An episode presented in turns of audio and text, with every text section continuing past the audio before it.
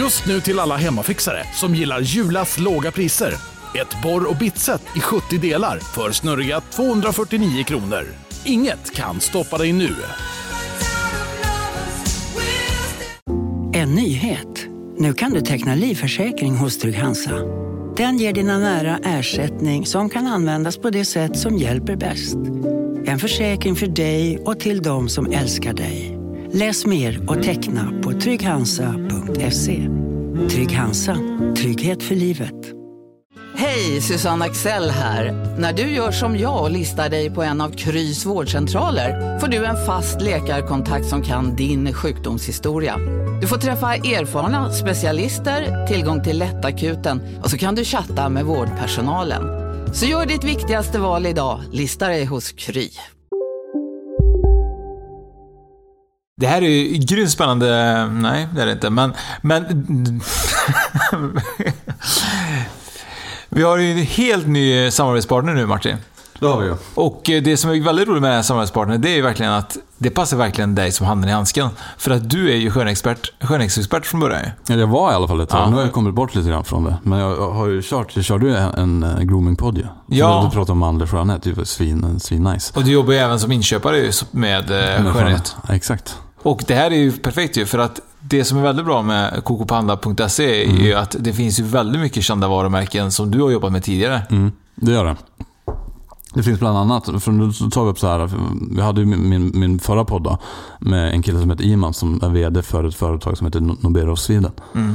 Svinbra för, för män att köpa det varumärket. Och det finns ju på kokopanda.se också ju. Ja, det är det. Och vad är det som är så bra med Numbero tycker du liksom? Är Bra dofter, bra produkter. Alltså, det är svinbra bara. Du som är ändå liksom eh, expert inom detta, finns det några tips du kan ge oss män och kvinnor kanske, men framförallt män kanske. Liksom, vad ska man göra för att hålla sig fräsch? För du gav mig lite tips innan ju. Jag pratade precis om innan, du sa så här, fan du ville så här, du vill, hålla, du vill vara ung, hålla dig ung ju. Ja. Och så sa jag så här, men ansiktsrengöring på, på kvällen och så återfuktning på kvällen. Det är mycket viktigare att göra det på kvällen än på morgonen. För då jobbar du mycket mer på, under natten när du sover. Och sen på morgonen så tar du på SPF istället. Och det är ju skydd, solskyddsfaktor. Stora solskydd och skydd, skydd mot strålning och sånt. Ja. Du, även när du håller på, du sitter framför dataskärm, du sitter med mobilen, då får du strålning hela tiden. Så det är svinviktigt med SPF året om. Jaha. Och det är lite intressant, för det är nog inte många som tänker just på att det är liksom, mobiler eller skärmar ger dig en sån strålning som gör att du förmodligen blir lite äldre. Som, som ett solarium kan jag tänka mig då. Faktiskt. Nu snackar vi om, om Nobero, det, är- det är ju ett herrvarumärke ju. Ja. Men det finns ju massa andra varumärken för, för kvinnor. De har ju mer, större utbud på, på den kvinnliga sidan. Ja, och det är det som är så bra, för att de har ju kända varumärken till konkurrenskraftiga priser ju. Mm. Och gratis frakt och eh, gratis faktura. Så man, det, är, ju- det är ju svinbra. Och att man även nu då, om man lyssnar ut på det här avsnittet, så får man ju även 100 kronor rabatt ju om man handlar över 599 kronor va? Mm. Och då anger man rabattkod 100 SPOK med stora bokstäver. Ja, så 100 SPOK, stora bokstäver. Exakt. Då får du 100 kronor rabatt vid köp över 599. Och jag har faktiskt eh, redan beställt hem eh, lite goda parfymer, så att eh, in och gör det du med. Lite bra sommarparfym. Mm, gott det luktar gott i sommar. Aha, snyggt. Tack Coco Panda. Tack.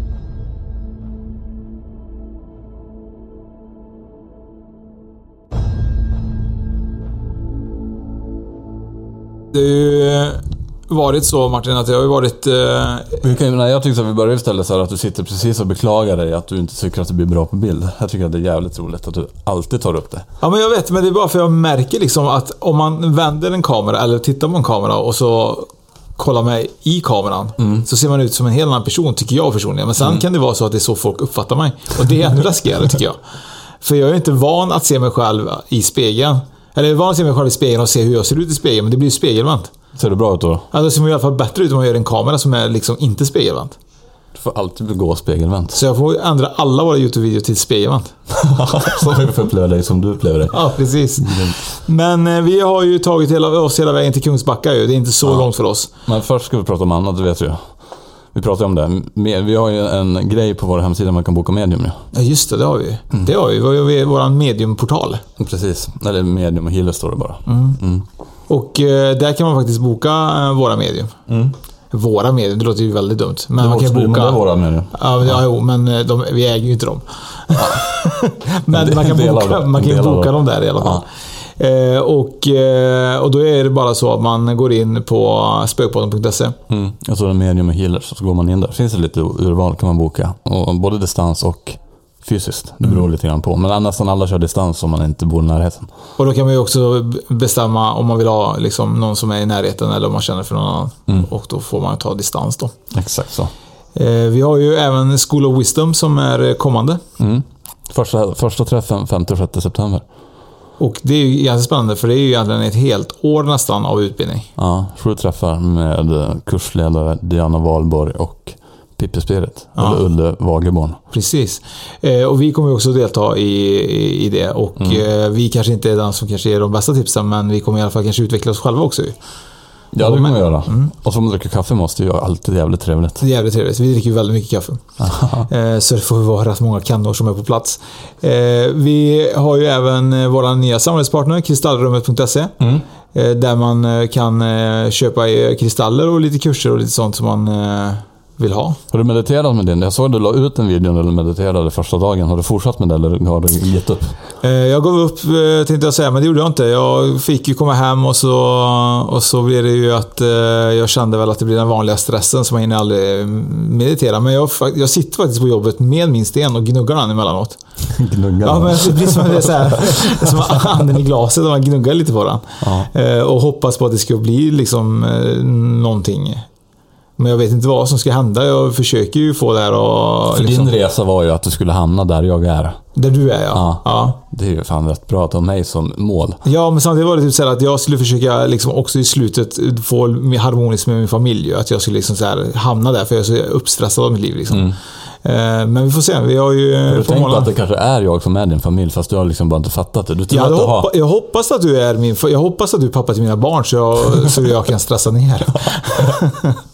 Eh, vi är ju i Kungsbacka som vi börjar med. Ja, men då, gå in på kristallrummet och så anger man... Fan, det- jag avbryter hela Ja. tiden. Har du tänkt på det? Ja, det gör det. Ange rabattkod Spökpodden, då får man 15% på hela köpet. Precis, och eh, se till också att eh, boka en kristallreading som vi gjorde. För då kan man ju också kanske få reda på vad du ska göra för att hamna där vi hamnar om ett par månader. Precis. Nu, kör då. Nu får jag äntligen kö- köra. Eh, vi är i Kungsbacka, eh, inte så långt ifrån oss. Eh, och vi har med oss Isabella Hambe.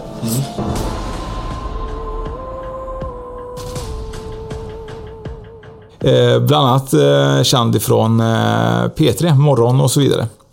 Eh, relationspodden och lite annat. Relationsradion. Re- Relationsradion heter det. Fan, alla rättar, Annars alla är- rättar mig idag ju. Alla säger Katrin sitter och mjäskar med bingo. det är stor skillnad. ja, det, ja, det, det är inte rätt.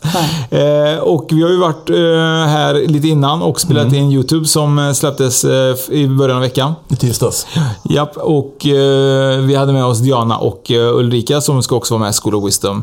Jag fick ju höra lite grann att Isabelle tyckte att det skulle varit deras, hennes egna psykolog. Ja, Så jag tror att det gick rätt bra. kanske. Så vi ska fråga Isabelle hur hon har känt eh, av allt det här som vi har gjort idag. Och lite grann om hennes historia. Så det blir riktigt spännande. Ja. Isabelle, eh, du har ju upplevt ganska länge gissar jag att eh, saker har hänt runt omkring dig. Mm. Väldigt länge. Mm. Och innan vi börjar så kan du berätta lite grann om eh, vem du är och vad du egentligen gör. För det är många som säkert vill veta. När folk frågar så glömmer man alltid vem man är. Eh, Isabelle Hambe, eh, 25 år gammal, jobbar som programledare i P3. Och det är väl det jag gjort de senaste tre åren som folk kanske är bekant med. Har gjort relationsradion, ligger med P3 och nu helgmorgnar. Halv nio till tolv. Så det är det lilla jag gör. Jag gör inget annat. Det är, det är rätt liksom- skönt. Jag önskar vi kunde bara göra det Martin. Ja, men snart så. Ja. Eh, Du har en spännande dialekt ju, så att eh, jag kan inte koppla riktigt. Är det Skåne eller? Ja, Kan inte koppla. Ja, men det, är, no, no, men det är en skånsk dialekt, men det finns någonting bakom där också. Är men det alltså, Kristianstad eller? det ligger i Skåne. Ja, men är det från Kristianstad? Nej, Malmö. Ma- Du är från Malmö? Ja, Ja, du kommer att höra det sen på vissa bokstäver. Typ Okej. om jag säger onsdag. Ja, ja, ja, onsdag. ja. Onsdag. Ja, onsdag. Ja, ja. Ja. Ja, ja. Det är så man när, vet. kommer du ihåg när vi var i Norrland? eh, I våras. Ja. Och då vi träffade någon som inte kände igen din dialekt. Då trodde han att du var från Skåne. Bara för att det inte var norrländska. Det är Jättes, kul. jättekul Allt under Norrland i Skåne. Ja, men, typ. eh, men eh, berätta nu då Isabel. Eh, Som barn har du upplevt att du har sett eller hört saker? Eller hur känner du att du kom in på att det finns kanske något Eller mer? varför tog du kontakt med oss? För du hörde ändå av oss att du ville att vi skulle komma till Ja, dig. Det är lite sådär, rädda mig snälla. Ja. Eh, nej men det var ända sedan jag var liten, så man hade ju svårt att skilja på kanske sådär vad som är verklighet och vad som är fantasi. Så att jag förstod inte det riktigt då, men det var, jag kunde vakna mitt i natten av att det stod folk i dörren och kollade in på mig. Det, jag kunde se vita skepnader som gick igenom rummet, dörrar kunde öppna sig. Jag kunde liksom se i mitt huvud hur det var så här två barn i mitt sovrum. Men då var det inte att man tänkte att det här måste vara övernaturligt, utan det var mer, Du var inte rädd då, utan du tyckte alltså det var... det var normalt. Ja. Alltså lite sådär, för jag lärde mig till exempel folk som stod i dörren och tittade på mig. Bara jag sa någonting, det kunde vara från ett ord till bara ett ljud, så försvann det. Så att det var ju väldigt normalt, jag var ganska ung också. Och sen med åldern så fick man ju liksom höra mer om det sådär andra sidan. Och Men berättade du för dina föräldrar vad du såg och upplevde? Eller det Ja, var men- det? Precis, jo, det gjorde det, men då är man också ett barn. Mm. Då finns det alltid en förklaring till varför man ser saker. Enligt dem ja. Mm. ja. Och då lägger man inte ner så mycket energi på det själv heller. Att börja sådär tänka ut vad, vad kan det vara, finns det en annan sida, hur visar det sig? Så att, men sen med åldern så blev det ju li- lite mer så här skräckinjagande kan man väl säga. Att det kunde vara att eh, jag kunde ha en mardröm och vakna mitt i natten och så att någon stod över mig. Och det kunde vara dörrar som smällde. Jag kunde vara själv hemma och så hör jag att någon skriker mitt namn. Så det var att det gick från kanske vild fantasi enligt mig själv till att det faktiskt blev läskigt. Att det blev så att jag vågade inte vara själv hemma. Jag vågade inte sova på ovanvåningen om ingen var där. du? När, när, när det blev värre. ja, alltså när du började känna att du inte kunde vara själv hemma. Um, alltså jag ville inte vara själv hemma fram tills jag var kanske 15. Mm. Något sånt. Var väldigt paranoid, kunde alltid känna att någonting skulle hända. Att någon tittar på mig, någon kommer stå framför mig om jag vänder mig om. Vill inte blunda för då kommer någon stå där. Så då blev det ju mer som ett hinder för att jag var rädd för saker som jag inte kunde se. Som jag sen skulle se. upplevde du den rädslan dagligen? Liksom? För det är ju ganska så här, gå runt och känna så måste ju vara sjukt energikrävande. Mm, jag somnade ju bara till, alltså när jag blev riktigt utmattad. Ja. Det var inte så att man gick och la sig och blundade och så somnade man. Du för att man ligger och liksom? Ja. Ja. Höll mig uppe så pass länge och hade hög musik på när jag skulle sova för att inte lyssna ifall någonting kunde höras. Men är inte det värre tycker, jag, tycker du att, eh, att man har hög musik när man är rädd? Att man inte hör vad som är typ bakom Men det är, det är väl lite som när man kollar på film och ett barn ligger i sängen och är rädd och väljer att ta täcket över huvudet. Det är ju typ det värsta man kan göra. Mm. För du vill ju se om det är någonting. Men när man väl befinner sig där så är det att okej, men om jag inte hör det så finns det inte. Nej. Om jag inte kan se det så finns det inte. För det... Var, Och så, så tystar man också så lite, man tystar lite grann sina egna tankar med ljud utifrån. Alltså om du sitter och Mm. lyssnar på musik, då koncentrerar du bara på musiken och då tappar du bort alla andra tankar. Men det är ändå lite läskigt tycker jag att sätta på hög musik och blunda om man är redan är rädd. Är du med? Då vill Ja, jag, jag, nej, när, jag, när jag är rädd så vill, då lyssnar jag på varje ljud ju. Ja, då blir du inte ännu mer rädd då? Jo, det blir jag ju säkert, men jag blir ännu räddare ifall jag redan var rädd. Men då är man ju så uppmärksam. Ja. Då, då sitter man nästan och väntar på att någonting ska höras. Mm. Istället för att du så distraherar dig själv och lyssnar på något annat. Mm. Då kanske du glömmer att du är rädd eller att du ska höra någonting. Det värsta är ju när man är så rädd att man bara ligger vaken tills man verkligen bara somnar utan att veta om det. Det är ju skönt också i och för sig, men... Jo men har du varit, med, har du varit så här barn någon gång och så legat i din säng och varit så rädd att vara ensam hemma att du verkligen bara däckar? Nej, jag tror inte det. Inte För det har jag gjort flera gånger. Och det är så läskigt för man vaknar ju bara upp, shit har jag somnat du? Och man bara försöker hålla sig vaken. Och så börjar man tänka på vad som har hänt medan man har sovit. det, så här, det värsta jag någonsin hade kunnat göra det var när den här sleep talk kom. Att man kunde höra ljud som spelade in när man sov. Har Det du spelat in det? Har du hört någonting då eller? Ja, det var då jag började misstänka att, jag kanske gick i sömne för då hörde man ju hur det gick inne på parketten på mitt rum. Oj, läskigt. Ja, och det var lite så här, Då intalade jag mig själv, "Nej, men jag går i sömnen. Det är den enda förklaringen det finns. Mm. Men jag har aldrig gjort det innan. Men just den kvällen måste jag ha gjort det. Det är också den där, det finns inte, det hände inte. Men det finns ju också ljudbevis på att någonting var där. Så då börjar man också hitta på ursäkter för att inte bli rädd och inte kunna vara själv hemma igen. Mm. Så här, man hör att en dörr öppnar, ja men det var säkert mamma. Hon nekade, men det var säkert mamma. Alltså där, det är mitt liv. Det Förnekelse. Det finns ju en video som vi fick av Isabelle. Mm. Eh, när du är ensam mamma va?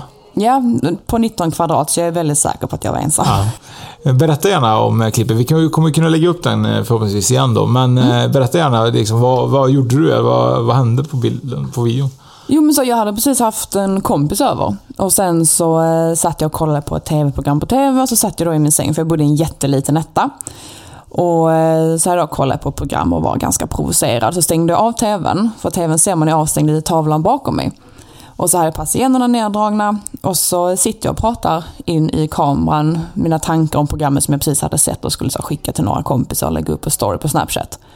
Och så lägger jag upp den och så är det folk som hör av sig och tycker liksom att det ser konstigt ut. Liksom att man ser att det är ingen kompis eller sånt där. Då blev folk, vad är det som är bakom dig? Och då fattar jag ju inte själv. Då fick jag kolla på videon igen. Och då är det typ i, nästan i slutet, jag sitter och pratar in i kameran och så ser man att det är någonting som går förbi bakom mig. Man ser att det är ett ganska litet kort. huvud, Alltså typ ett huvud som går förbi. Ja, det ser ut som en blond gässa typ. Alltså Mm. där, eller vad det, nu heter, vad det heter. Men det är liksom ett blont huvud som sådär går och vaggar förbi. Och eh, all tvn var ju avstängd. Jag bodde ju högst upp i denna höga byggnaden så att det var väldigt så här, ljudisolerat. Men om man lyssnar på det, alltså antingen jättenoga eller med hörlurar i, så hör man mm, som att någon pratar eller håller en konversation. Och jag, jag hörde ju inte det när jag satt där. Och så kan man höra typ så hur en barnröst säger mamma. Vilket är superobehagligt. Men jag märkte ju inte av det när jag satt där. Jag hade ju aldrig, aldrig, aldrig märkt det om jag inte såg det på filmen. Så då tänkte jag, då kan det ju inte vara någonting som är connectat till mig. Nej. Men då var det ju någon, något som gick förbi i bakgrunden. Men man hör ju det lite mer tydligt för man har på hörlurarna. Mm. Eh, Just att, de, att det blir ett ljud liksom som mamma eller något sånt där. Då. Det är brus och röster. Ja. Alltså man hör det väldigt tydligt att, att det är någon som pratar. När du såg detta, hur fick eh, du för tankar i huvudet eh, efter det? Alltså jag vill ju bränna ner hela byggnaden. Jag tyckte det var jätteobehagligt. För det är ju sådär, då får du ett bevis på någonting som du inte vill se. Så att hade jag inte sett det så hade jag inte varit medveten om det. Så att varje kväll när jag gick och la mig så var det verkligen, kommer någon lägga sig där bredvid mig? Kommer det att stå någon i köket när jag kommer hem? Det var den där ständiga oron över att det här kommer ju komma tillbaka och visa sig för att nu vet jag att den personen är här. Så Men har du var- alltid liksom varit rädd? För du sa upp till 15 var du rädd. Vad hände sen efter 15? Var det lite lugnare då eller hur? Just, jag blev mer intresserad i den åldern. Ja. Att jag eh, blev nyfiken på hur det egentligen funkar. Började kolla mycket på, på eh, det okända på TV. Mm. Ehm, och eh, något sånt Andar finns de tror jag det programmet heter. Går på någon sån konstig kanal. Ja, Om det är är säkert TV4 den där. Fakta eller vad det är. Ehm, och då blev jag väldigt intresserad av det. För att jag ville lära mig att acceptera det. Just för att om det nu skulle vara så att det finns och att jag blir utsatt, typ utsatt för det. Så måste jag lära mig att acceptera det. Och inte vara rädd för det. För det blir bara värre och värre för mig. Hjälpte det då? Kändes det bättre då? Ja men det gjorde det. Bara att då, då fick jag också reda på hur mycket det är som kan hända och då blev jag lite rädd för det också. men sen i, när jag blev lite äldre, när jag gick på college, då läste jag psykologi och då började de prata om så här magical thinking. Och då började jag intala mig istället att det inte finns. Så då var jag verkligen sådär, när folk pratar om det, jag bara, men det finns inte, det sitter i ens egen hjärna. Det finns ingen logisk eller vetenskaplig förklaring på att detta finns. Så då levde jag istället i förnekelse.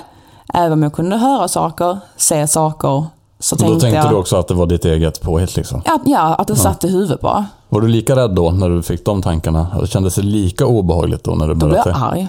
Ja. På dig blev, själv då? ja. Ja. Ja, men då, då blir jag liksom arg för att jag känner mig störd. Mm. Att det här finns inte. Det är ungefär som att du vaknar upp en dag och så har du röster i huvudet. Då blir man lite frustrerad kanske. Därför man är galen. Ja, det, det var lite den känslan faktiskt. Att nu händer det saker som jag inte vill ska hända och jag är inte okej med det. Så då blir det mer en frustration. Sen fick jag då gå över till det där att okej, det finns. Och det är där vi är nu. Det finns, jag kan inte så mycket om det. Men jag är ändå lite fascinerad och lite rädd. Så det känns som att den jag varit sedan jag var barn fram tills nu är liksom en blandning. Du är där och steppar lite grann. Du vill gå in och så att, uppleva saker fast ändå inte. Jag doppar tån i det. Ja. Det är det, för att det händer ju fortfarande grejer.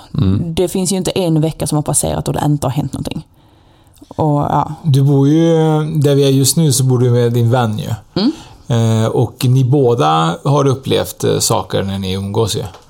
Eh, Du berättade om en incident där ni båda kände igen någon person, eller vad, berätta gärna mer för vi sa stopp, vi vill inte veta mer just nu, men du får jättegärna berätta lite, grann, lite grann för oss då. en riktig cliffhanger. Nej men det var här vi sitter då. Jag är ju här typ varje månad. Och eh, så satt jag och Bella i soffan och pratade lite så, gamla minnen av släktingar. Både de som har gått bort och även de som lever.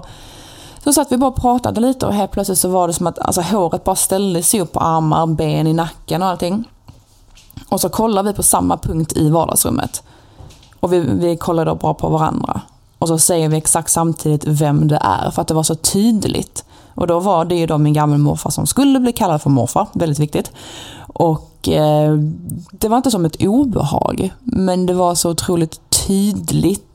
Så ni såg han tydligt då alltså? Som, eller? Närvaron var väldigt tydlig. Ja. Att vi båda visste direkt vem det var. Och eh, Bella är ju inte jättefamiljär med vem han är och vår relation och så vidare. Men sen så gick vi ut på balkongen för vi bara, det går inte att andas här inne. Liksom, vi måste gå ut. Och sen så när vi då stod på balkongen så var det som att jag verkligen såg det stå någon i dörren. Mm. För att dörren var väl lite öppen tror jag. Då visste jag att nu står det någon där. Och sen så gick vi in och sen var det konstig känsla fram tills vi gick och la oss. Att det var obehagligt, man ville inte riktigt vara här. Men om det var din gam- gammelmorfar, vad hade ni, alltså, hade ni dålig kontakt? Var han en bra eller dålig människa? Liksom? Han var en jättebra människa. Ja. Jag har aldrig fysiskt träffat honom. Ehm, han gick ju bort bara knappt en månad innan jag föddes. Bara det att han hade väldigt stark förhållande, så relation till mig i magen. Han var ju stensäker på att det här kommer vara en flicka, hon kommer att heta Isabelle och hon kommer att göra bra grejer, hon kommer att bli detta och detta och detta. Så han hade ju nästan större tankar om mig än vad jag har om mig själv. Det är ju Eh, positivt. Ja. och eh, så därför har han ju alltid varit en väldigt viktig del i mitt liv utan att jag ens kan förklara varför. För att jag aldrig träffat honom. Hur kan man ha så stark känsla till någon man aldrig har träffat? Och sen så har jag hört mycket om honom men även vetat saker som inte någon har berättat.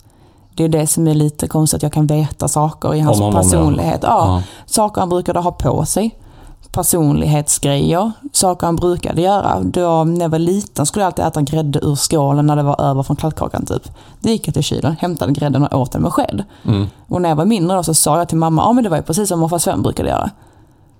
Bara att ingen har sagt det. Men hur tror du, hur fick du det till dig? Liksom? Vad var känslan i det när man säger något sånt? Var det typ, Det är självklart. det var självklart? Alltså. Ja, för att det, är- det är bara någonting jag vet. Det är ungefär som att, du, alltså, att ni skulle berätta någonting om varandra. Och så kan jag referera till det en annan dag. Ja men det var ju det som de sa där. Så. För att det är självklart för jag har hört det. Jag, det är en kunskap jag har nu om er två. Och likadant var det då att jag bara kan berätta saker som ingen har sagt. Situationer och allting. Men jag tycker ändå att det är märkligt att om du hade en sån bra kontakt med honom att du så kände, kände, fått obehag när han kommer till dig. Har du alltid, att du alltid känt ett o- sånt obehag. Det borde nästan vara tvärtom. Att du Ja. vet att när han kommer så vet ändå att det är lugnt för han är här och ko- kollar till eller hjälper till eller vill putta dig åt rätt håll. Jag tror det är den där obekväma känslan med att vara iakttagen av något som man inte kan se. Den där att man inte har kontroll om vad som händer runt en. Och att det fortfarande är det jag har lite svårt för. Och att det blir så himla stor skillnad i rummet. Då kan det kännas lite hotfullt, kanske hur nära någon kommer en eller så här. Hur pass närvarande är någon just nu? Så det var ju väldigt stor skiftning i rummet. Och då känner man sig lite hotad. Jag vet liksom inte hur bra energi känns och hur dålig energi känns. Men nu för både Ulla och Diana bekräftade ju att var, du har ju han med. Han är, hänger med dig. Mm, som en svans. Ja, som är sans. Kommer det kännas lättare nu när du vet liksom att det, det är han? Att du så här, Det är ju nu jag blir girig. Då är det liksom så här, knacka om du hör mig. och sen kommer jag inte sova på sju veckor. så det är så att det blir som ett litet beroende. Hör man någonting som man, man vill höra så vill man alltid senare ha bekräftelse. Och det är lite där jag är nu. Att jag kommer mer uppmuntra att få höra, se, känna saker. mm. Men om jag vågar vet jag inte. Men det är sjukt bra bekräftelse. Men har du pratat med honom innan så här? Alltså gått runt och pratat med honom hemma? Ja, Alltså jag pratar ju mer med honom med mina egna föräldrar känns som. För att det är så lättillgängligt. Det är bara att sätta sig ner och så pratar man. Har en konversation och så får man inga svar så då måste man svara själv. Det är jättebra KBT. Men eh, när jag var liten kunde jag så stänga in mig i mina föräldrars rum och sätta mig på fotändan av sängen. Och prata om saker som jag var ledsen över. Och sen kändes det bättre efter för då hade man fått säga det högt. Men då visste man ju inte om någon har lyssnat. Liksom, vad ska han göra? Han kan ju inte hands-on lösa mina problem. Men det var som en trygghet att säga det högt för att, man, för att jag kände honom så väl om man frågade mig. Och sen har det bara följt med i åldern. Om man kollar på YouTube-klippet som eh, släpptes i tisdag så berättar ju Ul- Ulder och Ulrika att eh, morfar säger till dig att eh, varför eh, kollar du inte på bilden och pratar med mig längre? Eh, Eh, hur eh, tänker du att du ska göra nu då? Ska du fortsätta liksom inte göra det eller ska du ta fram ett kort och börja prata redan ikväll liksom? Det är nu man blir lite såhär, vad ska du göra om jag inte gör det? Knacka i väggen. så här utmana ödet lite. Nej men det är ju klart, den bilden som jag vet att hon då refererade till var ju bilden som satt i, för min gammelmormor han då hade ju olika sovrum. Och det var ju för att han snarkade så fruktansvärt. Så att i det rummet då, för nu är gammelmormor också borta, Um, och, eller ja, mormor som jag var tvungen att kalla henne. Um, Då hade hon då satt en bild av honom från en trädgård när han ja, typ arbetade eller någonting. Och så satte hon gosedjur runt den och ett sånt rött pappershjärta på den. Och jag gick alltid in dit och började så här dekorera den ramen med fotot och så här hälsade på honom med den bilden. Och det gjorde jag varje gång jag var där. Så jag tror väl ändå att han berättade då för henne, att, med tanke på att jag har en väldigt emotionell knytning till den bilden. För det är den enda bilden jag har sett av honom, så som jag känner igen han. Så att eh, jag får väl leta upp om det är, ja, det är ju mormor som har den bilden. Och jag vet ju exakt hur den ser ut, så jag kommer att hitta den. Och så får jag väl ta med mig den hem så att han kanske blir lite lugn i själen. Ja, det tror jag. Ja. Mormor, tror hon eh, mycket på, på sånt här? Eller om du skulle berätta typ såhär, ja men jag har morfar med mig, skulle hon mm. skratta åt det? Eller tror du att hon hade känt att, ja men det är klart han är? Hon var jätteskeptisk och det är en ganska rolig historia. För det var, han dog ju väldigt, väldigt plötsligt. Han spelade biljard med kompisar, så föll han ihop en hjärtinfarkt och så dog han rätt på bordet. Och, eh, så, min, så att hon fick aldrig något avslut eller säga hej då och så vidare. Men hon kände, ja men när man dör så blir det svart och så försvinner man. Så hon tänkte, ja men när min tid kommer så kanske det finns någon plats eller någonting som gör att man träffar varandra igen. Men sen så hade hon då varit typ på dans eller någonting, så väldigt så flådig gammal kvinna. Så hade hon då kommit hem och så känner hon att någonting är inte som det brukar vara. Men så tänker hon inte mer på det för hon tror inte på övernaturligt, hon trodde inte på det. Och sen går hon då in i vardagsrummet och då ser hon på ett eller annat sätt att han är där. Och bara finns. Säger ingenting, gör ingenting. Bara står på den, så sitter på det stället han brukade sitta på. Och sen så bara försvinner han. Och det, det låter vä- väldigt så extra för mig att säga, visst absolut satt han där, självklart. Men sen så känner jag också henne och vet att hon är en väldigt skeptisk person. Det krävs mycket för henne att säga att det hände. Och lika väl med min ja, riktiga morfar, den unga morfar så att säga. Han har också sett honom i det sovrummet som var hans. Och min morfar, du det är en tuff, strikt man. Han tror inte på sånt, det finns inte. Men han kunde också erkänna att han har sett Honom. honom där hemma. Så jag vet inte vad hans problem är. Och vad han vill säga. Men han finns på många ställen. Spännande ändå. Det är riktigt spännande. Jag är ju mest eh, exalterad ifall eh, Isabelle kommer vakna i natt och så står morfar i hörnet. Det, det lär ju förmodligen hända. Det är klart att han gör. Och är jättearg också. Vad fan är bilden? Men eh, eh, hur känner du när du är på andra, när du är på andra ställen, förutom när du kommer till de här platserna? Är det liksom vanligt att du kanske kommer till ett hotell där du känner liksom att, det, att saker händer? Eller är det mest när du kommer hem till ditt, dina egna platser? Alltså, min egen och andra vänners bostäder. För det, jag har en tjejkompis i Stockholm. Hon har aldrig varit med om någonting hemma. Eh, Men när jag kommer dit så är det typ så, ja, du får lov att ta mat i kylen, du vet då, men du kan i alla fall stänga kylen och frysen när du går hemifrån. Och så har jag inte ens ätit någonting.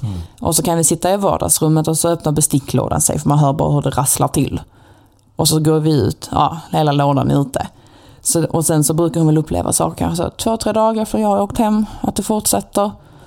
Och, eh, så, så brukar det vara hos mina Det är ju fan vänner. man ska ha med dig när man ska göra så spökjakt och sådana saker. Så får du vara Ja, på något ställe på några dagar innan. Så skapa, skapa lite stämning och sen tar man dit folk. Eh, Ja, verkligen. Lockbete.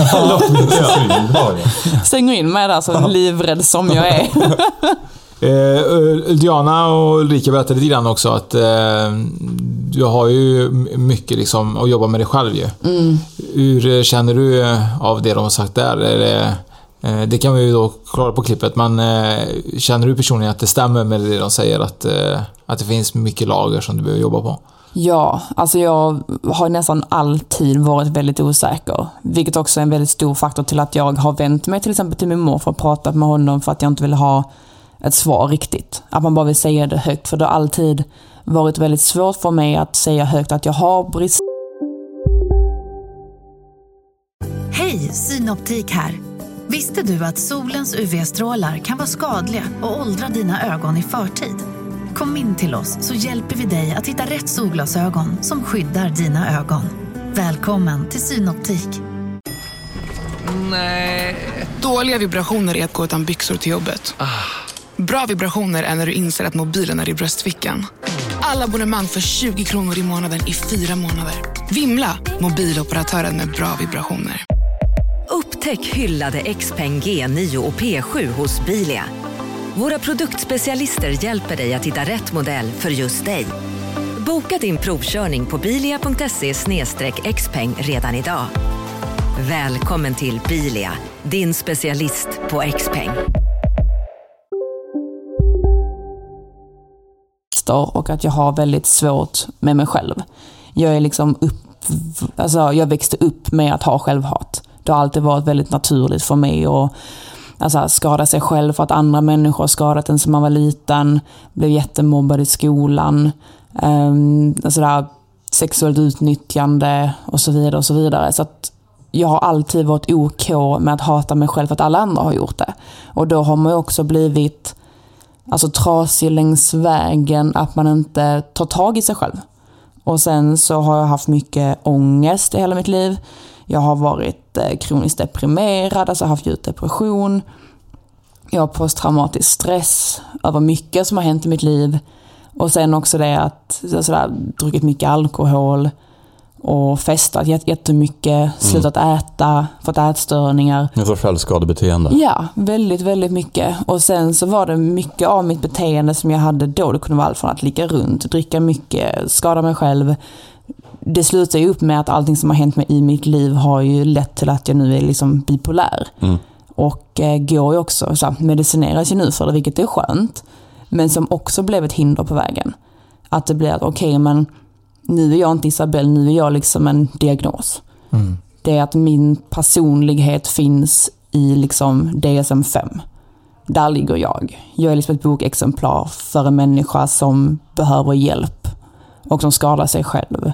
Har, har konstigt humör, blir deprimerad, blir manisk och köper bilar på lån. Nu har det inte hänt, men det är sånt vi gör. precis. Ehm, och då blir det också att man blir vilsen när man inte vet vem man är. Att jag är en människa som stabiliseras med mediciner. Det är skitsvårt. Och eh, de förklarar det ju väldigt noga med man ska andas, så att ta sig förbi det, man ska ta kontrollen över sitt eget liv. Bara att jag befinner mig just nu där, där jag inte vet hur man gör. För jag har aldrig behövt att göra det, för jag har alltid liksom klarat mig själv på självhat. Det har alltid varit det lättaste. Och det är också en känsla som du alltid känner igen. Alltså det där självhatet, det känner man igen. Och släpper man självhatet då blir man också så förvirrad. För då, då, även fast det var det dåligt så är det en trygg, alltså man, man känner igen sig och då blir det en trygghet med att uppleva den känslan. Precis, för det är ju känsla som känsla egentligen. Jag Ja. har ju bara valt En dålig den känsla. lite dåliga, ja. den lite sämre känslan. Men det, alltså, det är också intressant för de, de kom in hit och de har aldrig träffat dig, aldrig pratat överhuvudtaget. Nej. Aha. Och, att, ja, men, och att de kan naila dig så, så Mm. snabbt liksom. Hur, hur upplever du det? Det- För det kan ju också känna sig lite så här, bara, hur fan, hur kan ni se det så snabbt? Ja, så det var ju då jag tänkte, är jag så pass trasig att det bara lyser igenom? alltså där, hur många medium har man gått förbi på stan som bara tänker wow girl, liksom du behöver hjälp. Men det var, det var tufft att höra för att det blir sanning. Mm. Man får det verkligen bekräftat, okej men jag behöver hjälp, jag behöver hjälpa mig själv. Men på ett sätt så är det också ganska skönt att få det på papper. Det var ju lite så när man blev diagnostiserad, ja men jag har väl anat att det är någonting. Men nu när det finns ett svar så kan man ju ta det därifrån. Men det var ju lite läskigt att folk man aldrig har träffat förut kunde komma in på det som man har djupast i själen. För det är väldigt lätt att säga, ja men du är lite spänd. Ja det är för att jag har axlarna upp i öronen, det kan ju vem som helst se. Men när det blir så pass djupt i saker som jag tänker på varje dag. Ja, de kan se varför du spänn, ja. Ja, och bara det att hon sa liksom så här, att köket är ett ångestladdat ställe. Ja. Jag senast idag fick en ångestattack och satte mig i köket här. När jag är hemma i min lägenhet i Malmö så går jag alltid in till köket och lägger mig på det kalla golvet. Det är också i köket där jag har problem med mat.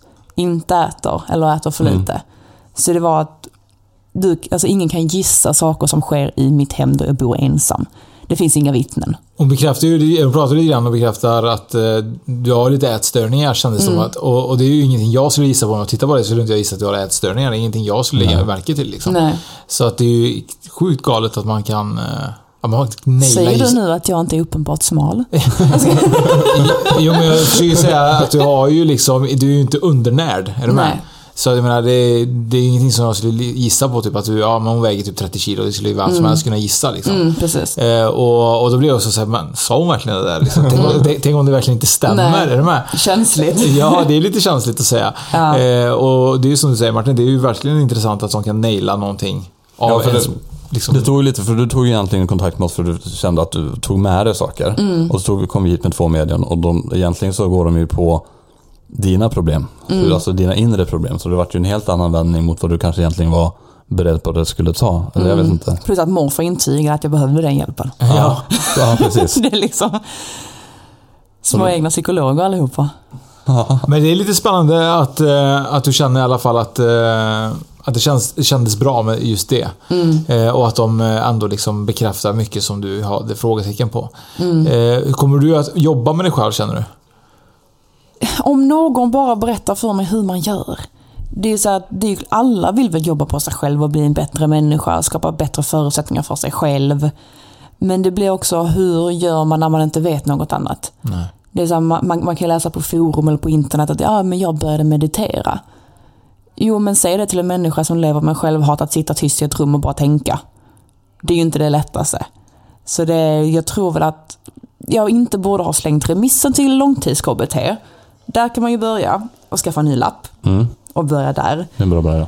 Och eh, som rådet jag fick liksom att jag måste ta liksom kontroll, andas och på något sätt också veta att jag inte är ensam i detta. Det finns säkert många människor som har gått samma resa. Att det finns människor att prata med. Ens föräldrar och morföräldrar har ju levt ett långt liv. De har ju säkert också någonting att säga.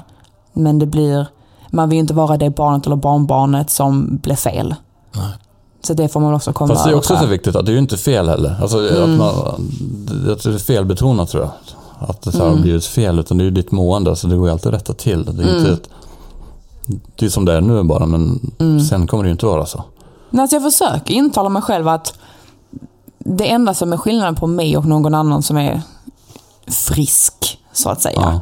som inte lider av så här psykiska besvär och psykisk ohälsa, så är det att det enda som är skillnaden på mig är väl liksom en kemisk reaktion i hjärnan. Och det är ju inte direkt en personlighet som är fel eller konstig. Nej. Det är så här, om du tränar så kanske du producerar mer endorfiner än vad jag gör, men det gör ju inte dig mer konstig än vad jag är. Så det är väl jag, fattas väl bara en hormon som de andra har. Samma folk som har diabetes, det är inte konstigt Nej, det är det verkligen på inte. det. Så att jag måste väl bara lära mig att acceptera det just för att en av de, alltså de fram, mest framgångsrika människorna är bipolära. Det är ju någonting jag också får ta med mig, att det är inte ett hinder. Nej, det är ju inte tvärtom. Alltså, om, du, lär- om du lär dig leva med det så är det en en blessing istället. Jag tror att, jag, jag tänker mycket så här ibland man kan känna typ så att man hamnar i en depression ju, eller man kan hamna sig liksom deppig ju. Ja. Och så kan man inte kontrollera tankarna och så finns det folk utanför med det är väl bara att tänka positivt. Det är inte så enkelt som folk kanske tror. Eh, och Men jag tror att det är väldigt viktigt liksom att man om, försöker omge sig tror jag, med rätt personer också. Som, som också kan lyfta en. För det är, oftast är det så oftast när man är deppig, man behöver ju en upplyftning. Mm. Oavsett. Skala, man behöver skala bort alla dåliga. skala bort alla dåliga ener- energier som finns Ja. runt omkring dig. Har du, jobbar du med det också eller omger du dig fortfarande kanske med fel folk som du känner liksom ibland kan dra ner din energi? Jag gjorde när jag var mindre. Ja. Eller yngre kan man ju säga, jag är bara 25. Men eh, jag drogs ju till trasiga människor. Alltså sådär folk som har mycket att fixa i sig själv eller folk som lever destruktivt eller har dåliga familjeförhållanden. Och det var väl för att det kändes bättre för mig att fixa andra än mig själv. Men det är också samma sak där lite grann tror jag. För där är du trygg och du känner, Mm. även fast det är jävligt ruttet så känner du en, en du känner igen dig i den känslan. Och då känner man sig trygg bara för att man Mm. Ja. känner sig bekväm med det. Och det blir ju att man kan leva le- väldigt länge på att känna sig empatisk. Ja. Och att man har hjälpt någon annan. Men sen så när man kommer hem så inser man också att man har glömt bort sig själv. Mm. Men eh, nu på senare år, så där, nu när man faktiskt är vuxen, så har jag ju bara vänner som alla är mina närmsta vänner. Och folk vet vad som händer med mig och hur jag är och hur jag fungerar. Så till exempel Bella som vi är hos idag, hon förstår ju att när jag inte svarar i telefon på två veckor, då skriver ju hon, jag kommer ner och hämtar dig i Malmö så kör vi upp hit. Ja. Och det är sådana vänner jag har. Och det behöver man verkligen. Och ja, de vet ju hur jag fungerar som sagt. Jag kollar ju på, om jag kollar på dina sociala medier så känns det som att du är en väldigt livsglad person. Utifrån det jag ser. Eh, Känner du att det kan påverka dig eh, stressfullt? Liksom att dina sociala medier är någonting som folk förväntar sig att du ska vara. eh, Och att det också påverkar dig negativt? Ja, jag är ju väldigt glad, har mycket humor, alltså där är väldigt utåt och extrovert och så vidare. Bara att jag är en helt annan människa sen när jag är själv. Det är då jag sjunker genom sanden. Det är total radio, tystnad. Och sen så har jag alltid använt humor som en försvarsmekanism.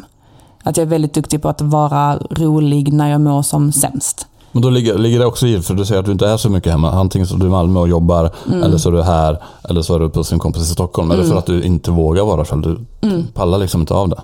Ja, det, jag måste bli distraherad. Ja. Och eh, för när jag är hemma och när jag är själv, då har jag väldigt, fortfarande väldigt svårt att på något sätt greppa och acceptera vem jag är.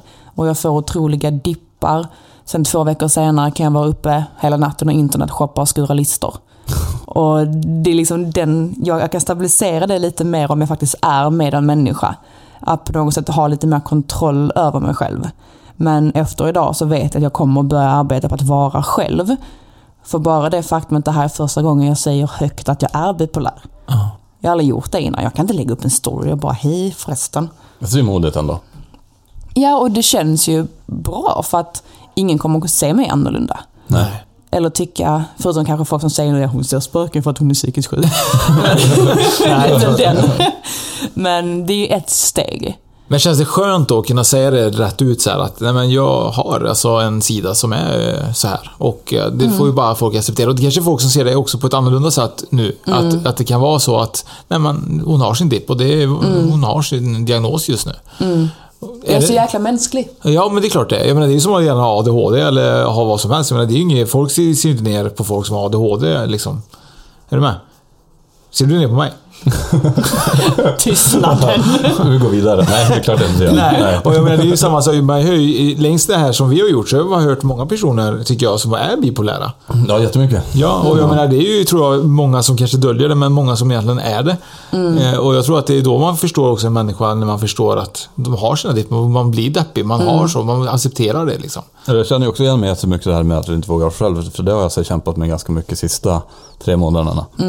Och bara nu de sista tre dagarna så har jag varit ganska helt själv. Och det har ätit mitt huvud så himla mycket. Ju typ Att vara inte- själv är, alltså ensam med sina egna tankar, det är ju fruktansvärt. Ja, och jag tror inte jag har tagit upp kontakter med jättemycket gamla människor bara för att prata telefon, bara för att göra någonting, bara för att slippa vara själv liksom. För det, jag kan tänka mig nu när jag pratar med, med dig och Isabella och allmänt så privat och så vidare, så känns det som att på något sätt så känns det liksom att ni är ganska lik, lika i mycket tycker jag. Att du inte gillar som sagt att vara själv och så vidare. Eh, Så jag kände igen det lite grann på dig då Martin, att jag vet att du inte gillar att vara helst själv. Jag hatar det. Eh, Det, det, man ringer ju aldrig mig då, så att jag vet inte vad man ringer. Men...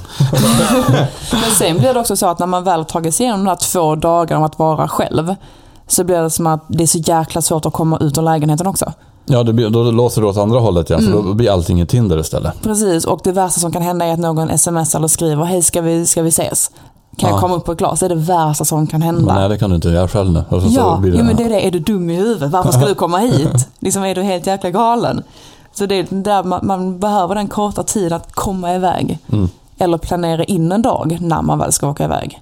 Men tror du att en andlig resa då, om vi går in tillbaka på den här andligheten, Mm. tror du att en andlig resa skulle kunna hjälpa dig väldigt mycket? Om du skulle verkligen gå in i dig själv, meditera, känna liksom att, eh, att andas, ta det lugnt. Mm. Eh, tror du att det kan vara rätt sätt? Eller tror du att medicinering är det bästa liksom? Eller att ta ta tag i dina egna problem är Alltså, det jag- bästa?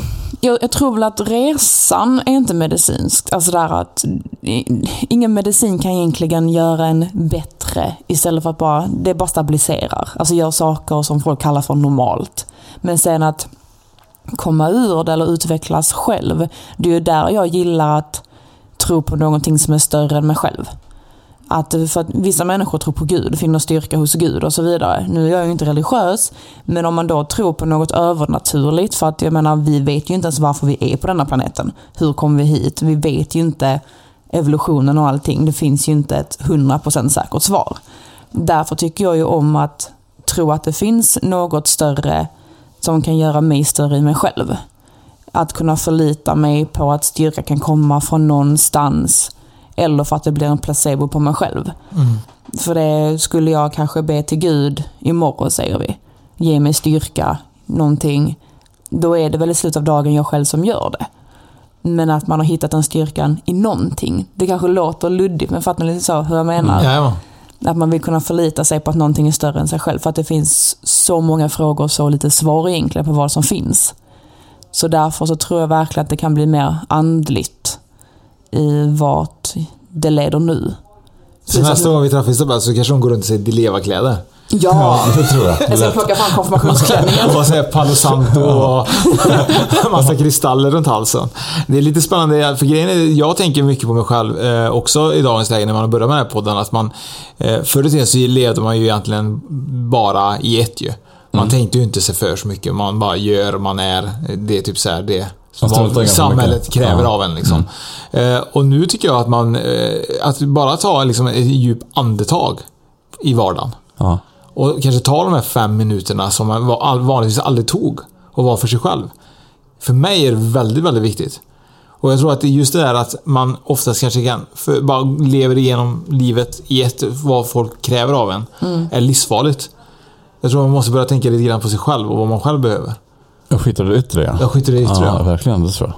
För jag har ju alltid bara levt efter vad? Ja, men jag måste till jobbet, jag måste göra det, det krävs folk av mig, de vill att jag ska ringa dit, de vill att jag ska göra det. Man pallar ju inte det. Ja. Jag tror det är väldigt viktigt att bara ta det lugnt. Men har ni också någon så på andra sidan som försöker guida er? Så som jag har min morfar. Jag har ju hört att jag har mormor. Vad vill hon att du ska göra? Nej, nej, hon vill nog eh, bara allmänt att jag ska liksom må bra Spela på tror jag. Lotto. Få spela på Lotto. jag vet vad det sjuka var att jag ringde ju Lotto. Ja. Jag hade ju, jag, min mormor då, när hon gick bort då, så, så hade hon en lottorad som var så här, jag ville verkligen få tag i den, men de kallade den de små sju och det var typ så här, den ville jag ha. Så jag fick tag i den i alla fall till slut. Och jag hade spelat den på Lott, Svenska Spel då. Och inte spelat på ett halvår. Så att eh, jag tänkte att, ja ja men eh, det är ju ingen fara för jag kan alltid förlänga spelet. Men de rensar spelen efter sex månader. Så förra veckan så hörde jag av mig till dem. Jag bara, var är lottoraden? Och vi rensar efter sex månader. Så den är borta. Den finns, den finns inte kvar. Den finns inte kvar. Mormor kokar. Ja, hon är svinarg. Och jag är lite så här förbannad. Jag bara, jag ska stämma er. Det var därför du var lite deppig när du kom och hämtade mig där. För Du var ju lite så här låg i varv. Du har fan aldrig varit så låg i varv sen jag, sen jag lärde känna dig. Nej, det var inte på grund av lottoraden kanske. Det var på grund av att man eh, bara allmänt eh, är eh, stressad i livet liksom. Och jag, det är just det jag försöker komma fram till. Jag tror det är väldigt viktigt att man måste stressa ner. Och jag menar, jag gissar att du har ju verkligen mycket förväntningar också. Eh, Folk ser förmodligen upp till dig. Du har ju ändå många följare på Instagram. Man lever liksom i, i, ett, i, en flow som, som, alltid kanske, som inte alltid är så, så glamorös som många människor tror. Nej, alltså blandningen av att vara väldigt bra på att trycka ner sig själv plus att det också är väldigt kul att kritisera och trycka ner kvinnor i media. Det är ju det. Att man kan ingenting, det man säger ska, man, ska det vara fel i. Hörs man för mycket så är det dåligt. Ser man bra ut så blir man sexualiserad och nedtryckt på det. Så det är ju väldigt så att det är svårt att ta sig ur den bubblan. Ja. Och sen så är det klart att alla kvinnor i media kanske inte upplever samma som jag. Men det blir också alltså det, det är svårt att ta sig ur det facket som jag också fick bekräftat i idag att jag befinner mig i. Just på grund av att det man säger till sig själv hör man ofta från andra också. Och det är pissesvårt faktiskt. Tror du personligen att eh, du hade mått bättre? För det, vi har ju pratat om det jättemycket egentligen innan eh, den här podden. Att eh, sociala medier är egentligen inte bra alls egentligen för många människor. Nej, det är inte alls bra. Nej. Nej. Känner du personligen att... Eh, man får slå så han ska svara mig. Men känner du personligen typ så här, om du hade slopat sociala medier, tror du att du hade kunnat må bättre att bara vara liksom gömd? Inte nu på grund av att jag har haft det så pass länge. Då blir det ju som att man, det fattas en del i vardagen. Men om saker och ting hade varit annorlunda från första början så tror jag definitivt att mångas mående hade varit bättre. Att man inte hade blivit kritiserad. Internetmobbning är också väldigt populärt. Ja. Det är superpopulärt. Och hade inte sociala medier funnits hade jag aldrig blivit deprimerad för tre år sedan. Nej. Alltså där man är med i TV, man syns, man säger dumma saker, man kanske gör dumma saker. Och då är folk väldigt snabba. Och det är ingenting man egentligen kommer över. Ingen kan liksom säga att de ska mörda dig och de gör hembesök hos en. Och sen ska man bara låtsas som ingenting. Nej. Och sen så befinner man sig också i så kallade rampljuset, man både syns och hörs runt om i Sverige. Och så får man kanske ett meddelande som är likadant, eller liknande. Och så sitter man i arenan och sådär, har lite självhat. Då är det jäkligt svårt. Ja. Men det är ju väldigt svårt för att vi vi får ju väldigt mycket kärlek men får vi bara en negativ kommentar någonstans då grubblar man ändå över det. Och det är ju det som oftast ändå liksom tar. Och det är lite tråkigt tycker jag. Du kanske inte känner Ja, så det är mycket. lite olika Ja, där, vi är ja. olika där. Ja. Ja. Du är mer typ såhär, skitsamma typ såhär. Ja. Jag är mer typ såhär, vad fan såg du det där? Fan vad tråkigt ju. Fan jobbigt ju. Man har jag, mer, energi jo, på det här liksom. jag är ju mer tvärtom, att det har i alla fall berört en människa. Och vi, men vi får ju inte så mycket personligt som du säkert har fått. Nej, Utan det är mer nej. själva produkten som vi skapar. Som folk så här kan ifrågasätta. Men spöken finns, är ni, är ni dumma i huvudet liksom? Men det är också personligt. Ja. Ja, men det blir ändå så här, för där blir det produkten, det blir inte jag Martin som blir kritiserad. Så där, är- då är det lättare för mig att slå bort det liksom. Och då kan jag mer tycka så här, bra då ändå podden berört honom. Han har ändå gått in och lyssnat och han har blivit så upp, uppjagad över att vi är dumma i huvudet. Ja, men då har det berört. Men det är inte som jag mm, personligen. Och då har de ju dessutom lyssnat. Ja, det är ju det. Men, men det jag försöker komma fram med till är att ofta så behöver man ju så mycket mer liksom, positiva kommentarer. Ifall en negativ kommentar har kommit till dig så kräver du nästan typ 3000 positiva för att glömma bort den negativa. Om ens. Om ens det Jag kan liksom. grubbla en hel dag över en liten, liten kommentar som egentligen inte är särskilt elak. Nej. Och det är för att jag förstorar den för mig själv. Ja. Och verkligen tar illa vid, även om om en människa kanske bara la en pik. Ja. Men det är ju så att nu när man får prata om det och göra liksom en kronologisk alltså där tidslinje över sitt liv och allt man har gått igenom och saker som man tänker på, intalar sig själv. Och det är ju inte för att komma tillbaka till var det började nu här i podden, utan det är ju att fan, jag har ju pratat med min morfar vid varje tillfälle som vi har tagit upp som har varit jobbig för mig. Att det är det jag kommer på nu. Allt det här vet han ju redan. Om han var där, det vet jag inte. Klart han var. Ja, jag hoppas det. Och det är också då det blir, fan vad viktigt det är att tro på någonting. Att kunna vända sig till någonting som är större. Mm. Och kanske be om hjälp också. Du kanske blir duktigare att be honom om hjälp i Ja. det här nu. Och, alltså att han ska hjälpa dig må bra, alltså hjälpa dig framåt. Verkligen. Nej men det bara slog mig nu. Rätt ner. Ja. ja, då är det kanske han som talar till dig. Förmodligen för att jag sitter ju fortfarande här. Ja. Det sa min psykolog som inte är död. Hon sa... Hon, hon sa Alla fast var min psykolog som är död sa precis till Ja. mig. Jag tänkte det är väldigt uh, nyttigt att skilja på människa och människa här idag. Nej, men hon sa ju också till mig att att prata med en människa som har gått igenom så pass mycket som du har, som är skapat och tack vare andra, Mm. så är det väldigt otroligt att säga att du sitter här levandes. Att du liksom är kvar i liv. Just på grund av att jag är inte gammal. Jag har inte levt länge, jag ska inte ha gått igenom jättejobbiga saker liksom innan 25. Då är du ändå ganska stark fortfarande i, det- i dig själv. Precis, och det måste ju komma från någonstans. För att jag, totalt i teorin, ska ju vara helt jäkla nedbruten. Mm. Det är ju så det borde se ut. Hade jag varit en karaktär i en film just nu så hade jag legat i ett hörn blek och påse under ögonen. det hade varit jag i en film. Plus att alla så bipolära människor ser ut i filmer. Ehm, men när hon då sa det så gick det också upp för mig, men hur, hur kan jag då sitta här och vara stark och skratta mig igenom en konversation med en psykolog, finna humor i saker som har varit jobbigt och att säga till henne liksom att nej men jag har inga planer på att ta livet av mig. Ja. Ja, så här, det skulle aldrig falla mig in. Så dåligt mår jag inte. För då måste det ändå ha funnits någonting lite större som gör att jag kan sitta där rakryggad och finnas vid liv. Men det kanske är morfar där som har varit där och hjälpt till. Ja men förmodligen, för att det är så att man hör ju mycket om att andra sidan är mycket energier. Ja. Och att, man, att de både kan ge och ta eller ja, hur det nu kan vara. Och det måste jag ju ha fått på något sätt. För det, jag har fan inte gjort det själv, det kan jag säga, herregud. Jag vet aldrig. Vad- Jag vad- Kan ju vara morfar eller så är det du som är extremt stark bara liksom. Eller team effort. Ja. ja. Verkligen. För att jag har ju märkt saker hemma när jag har mått som sämst. För att ta tillbaka till en snabb liten situation som hände för, jag tror det var tre somrar sedan, eller två. Det var när jag sände morgonpasset i P3. Då var det väldigt tid, tidiga morgnar och så var det väldigt sena kvällar för att man sov på dagen.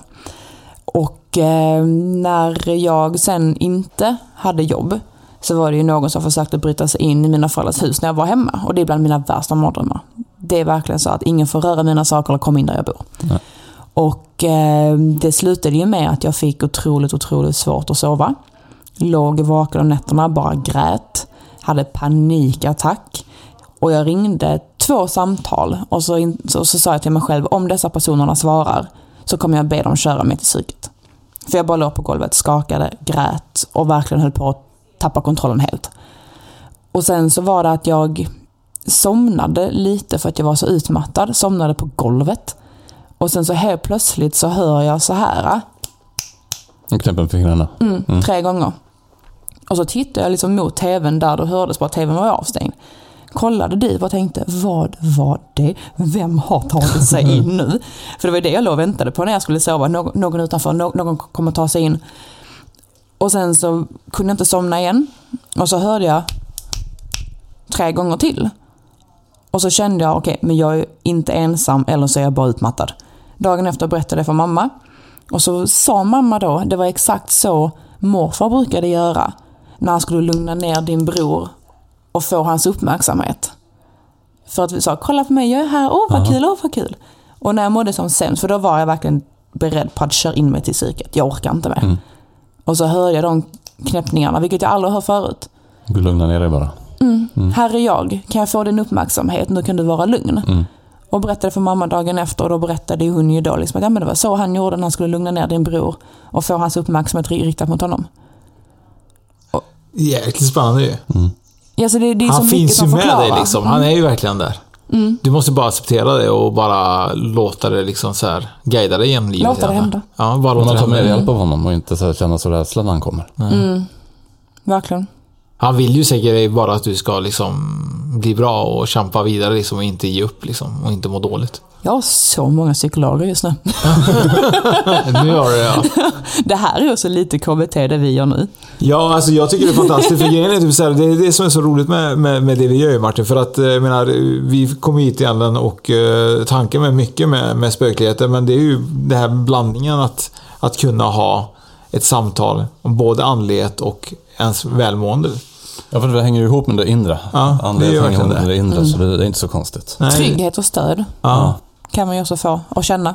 Och jag tror det är väldigt många som, som lyssnar som kanske känner igen sig i din historia och jag tror att det är väldigt viktigt att man vågar också prata om det med andra och inte vara så introvert med det. Liksom. Nej men det är ju det så att man, jag har ju inte många ögon på mig. Alltså sådär att jag, jag är inte Beyoncé. Men sen samtidigt känner jag att om jag kan ha ögon på mig och vara öppen med vad jag går igenom och hur jag ser mig själv. Så kan ju också folk tänka att okej men då spelar det ingen roll hur man lever eller vad man jobbar med eller hur mycket pengar man har eller hur många vänner man har. Du kan ändå må skit. Och gå hos en psykolog, få en diagnos. Och då känner jag att då kan jag ta det här tillfället och vara den personen. Att det kan vara jobbigt oavsett vem du är eller hur du har det. Och faktiskt säga det högt.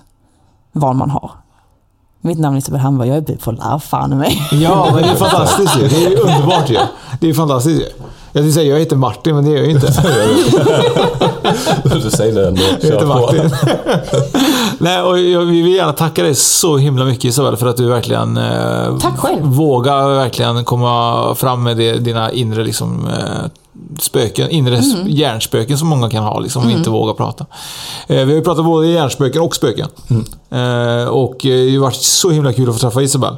Och jag hoppas verkligen vi får träffa dig igen någon gång. Ja, Eh, och om inte annat så kanske det blir YouTube tillsammans ju. I något spökhus ju. Det vet man aldrig. Man vet aldrig. Ja, Lockbetet ja. Lockbetet ja.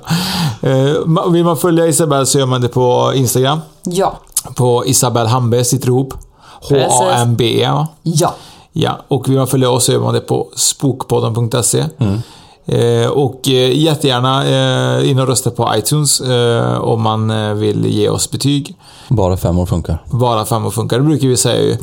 Eh, men gärna en kommentar också, lite feedback är ju fan, fantastiskt. Fantastiskt bra. Fantastiskt bra. Ja. Jättebra. Tack Isabel. Tack.